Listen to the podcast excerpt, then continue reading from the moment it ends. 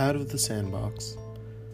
The moment I was told that we were moving to Houston, but not really Houston, Texas, from our home of 12 years in Saudi Arabia, the only thing I could think about was how my life was in for a drastic change.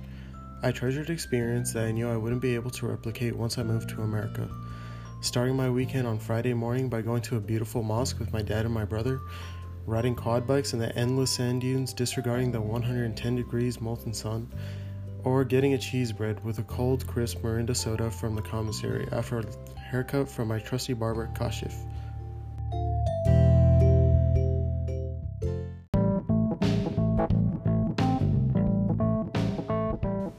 When we arrived at the George Bush Intercontinental Airport, I was quickly reminded that I was a long way from home when our family hit the lottery for an unexpected, random interview at the immigration offices something I would just have to get used to considering a majority of Muslims believe that individuals, businesses, or religious organizations in their communities have experienced discrimination since September 11.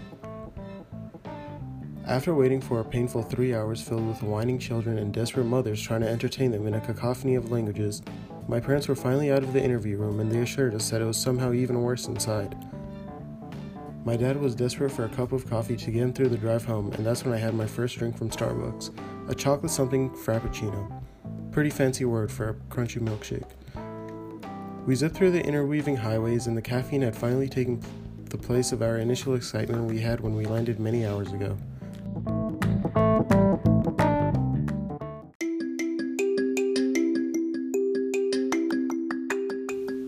For the first couple of nights, we were staying in the house owned by one of my father's lifelong friends while they were out of the country.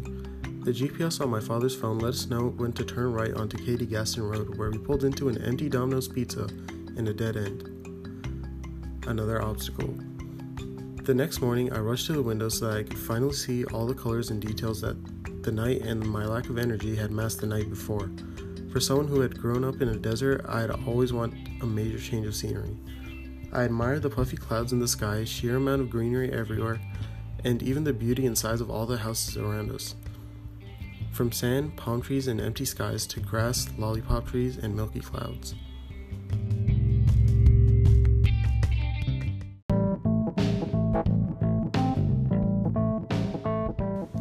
When Friday came along, I was excited to see the mosque I would be praying in for the next few years, Masjid al Aqsa. My father rushed me and my brother out of the house as usual. We drove past Tompkins High School, which I still couldn't comprehend the size of. It looked like my old elementary school and middle school combined with plenty of room to spare. We pulled into the parking lot of the mosque, which was just large patches of sand and long grass that looked like it was taken straight out of the savannah. I looked to the side of the lot where there was a small shed raised above raised about a foot above the ground. I'd be lying if I said I wasn't slightly disappointed.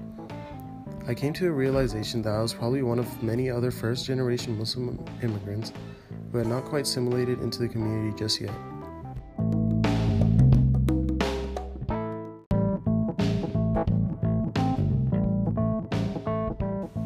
In retrospect, it was irrational of me to assume that the Muslim community would have already embedded itself when America's history clearly suggests that truly becoming part of American society requires generations of change. I walked into the mosque and was glad that the inside was in much better condition than the rest of the plot.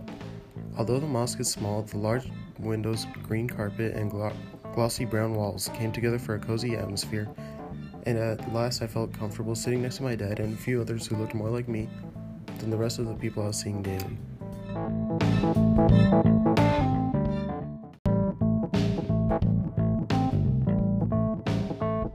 After the Imam had finished his speech, I was very surprised when I craned my neck behind me to see that the mosque was completely filled and that there were even more people outside. After the prayer, many people chose to stay afterwards to socialize and take a moment to catch up with one another since everyone is so busy with their own lives, as expected. The mosque has always been the center of Muslim communities since the religion was founded, and that continues to strengthen the bond of those who attend the daily prayers.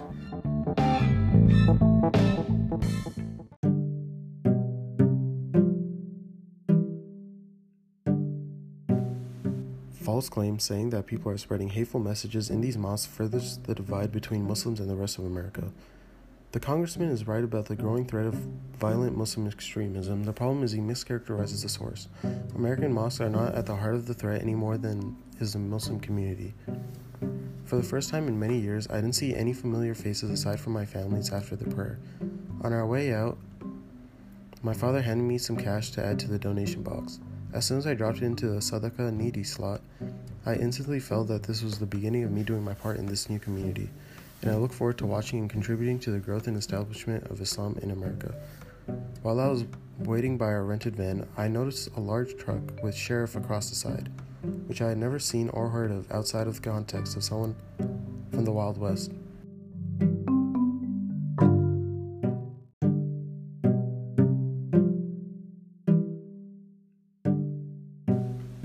Seeing local police around the mosque was nice to see because I was well aware that there are many Muslims across the na- nation that aren't fortunate enough to have this type of protection in and around their places of worship.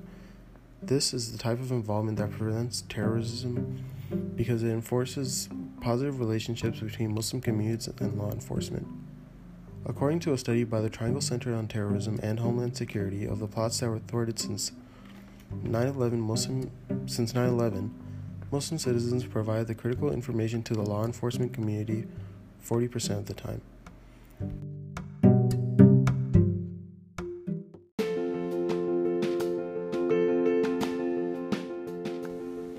The Muslim community in America needs to represent itself in a positive fashion by becoming more involved in community activities and being open to change in its ideology in order to share the role that was taken on by prior immigrant minorities.